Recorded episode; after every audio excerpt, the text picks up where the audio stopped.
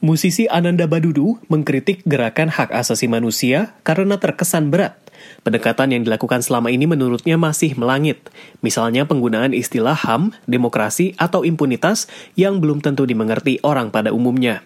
Dia mengusulkan strategi bahasa yang lebih sederhana dan tetap mencerminkan nilai yang diusung. Apa yang muncul di kepala orang-orang kalau misalnya dia mendengar kata HAM?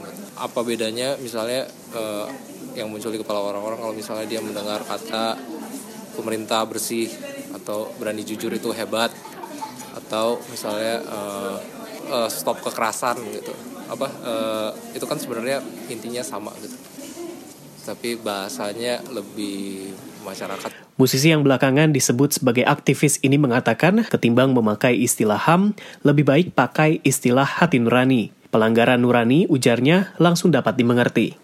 Dan kita udah akrab lah dengan konsep itu sejak kecil. Sementara kalau misalnya HAM itu kan konsep yang kita pelajari mungkin pas SMP, SMA. Istilah HAM memang terkesan eksklusif dan hanya muncul ketika ada pelanggaran. Berbagai upaya pun dilakukan untuk menyebarkan pemahaman. Organisasi pemuda pamflet generasi misalnya menjangkau siswa sekolah dengan cara-cara kreatif. Komunitas ini menjangkau siswa penyuka komik dan vlog.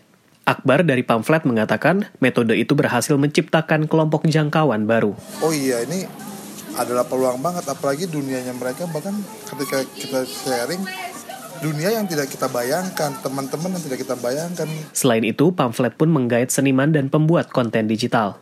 Berkolaborasi dengan banyak pihak agar isunya naik dan itu yang terus pamflet lakukan. Ketika pamflet nggak punya jejaring, misalnya ada isu A, pamflet nggak punya ya, pamflet akan nyari teman yang ada di situ dan kita akan bergabung untuk nyebarin isunya bareng-bareng. Lembaga negara independen seperti Komnas HAM punya caranya sendiri. Komnas menggelar Festival HAM sebagai ajang pendidikan masyarakat umum. Di tahun ke-6, gelaran ini akan diadakan di Jember, Jawa Timur.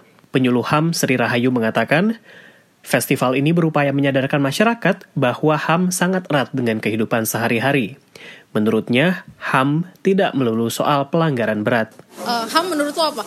Pasti pikirannya itu pasti yang berat gitu kan. 65, 98, Petrus, kemudian uh, Talang Sari, misalkan Tanjung Priuk gitu. Padahal memang HAM itu kan menyangkut di semua aspek kehidupan gitu. Ayu menjelaskan, warga negara punya hak atas pendidikan, infrastruktur yang baik, dan lapangan pekerjaan yang semuanya harus dipenuhi pemerintah. Warga juga didorong untuk aktif dalam pembangunan di daerah masing-masing. Semua elemen itu uh, apa namanya itu mempunyai mempunyai tanggung jawabnya sendiri gitu dan uh, mempunyai hak untuk berpartisipasi dalam mengembangkan kabupaten kotanya. Gitu. Dari Jakarta, Rio Tuasikal melaporkan untuk VOA Washington.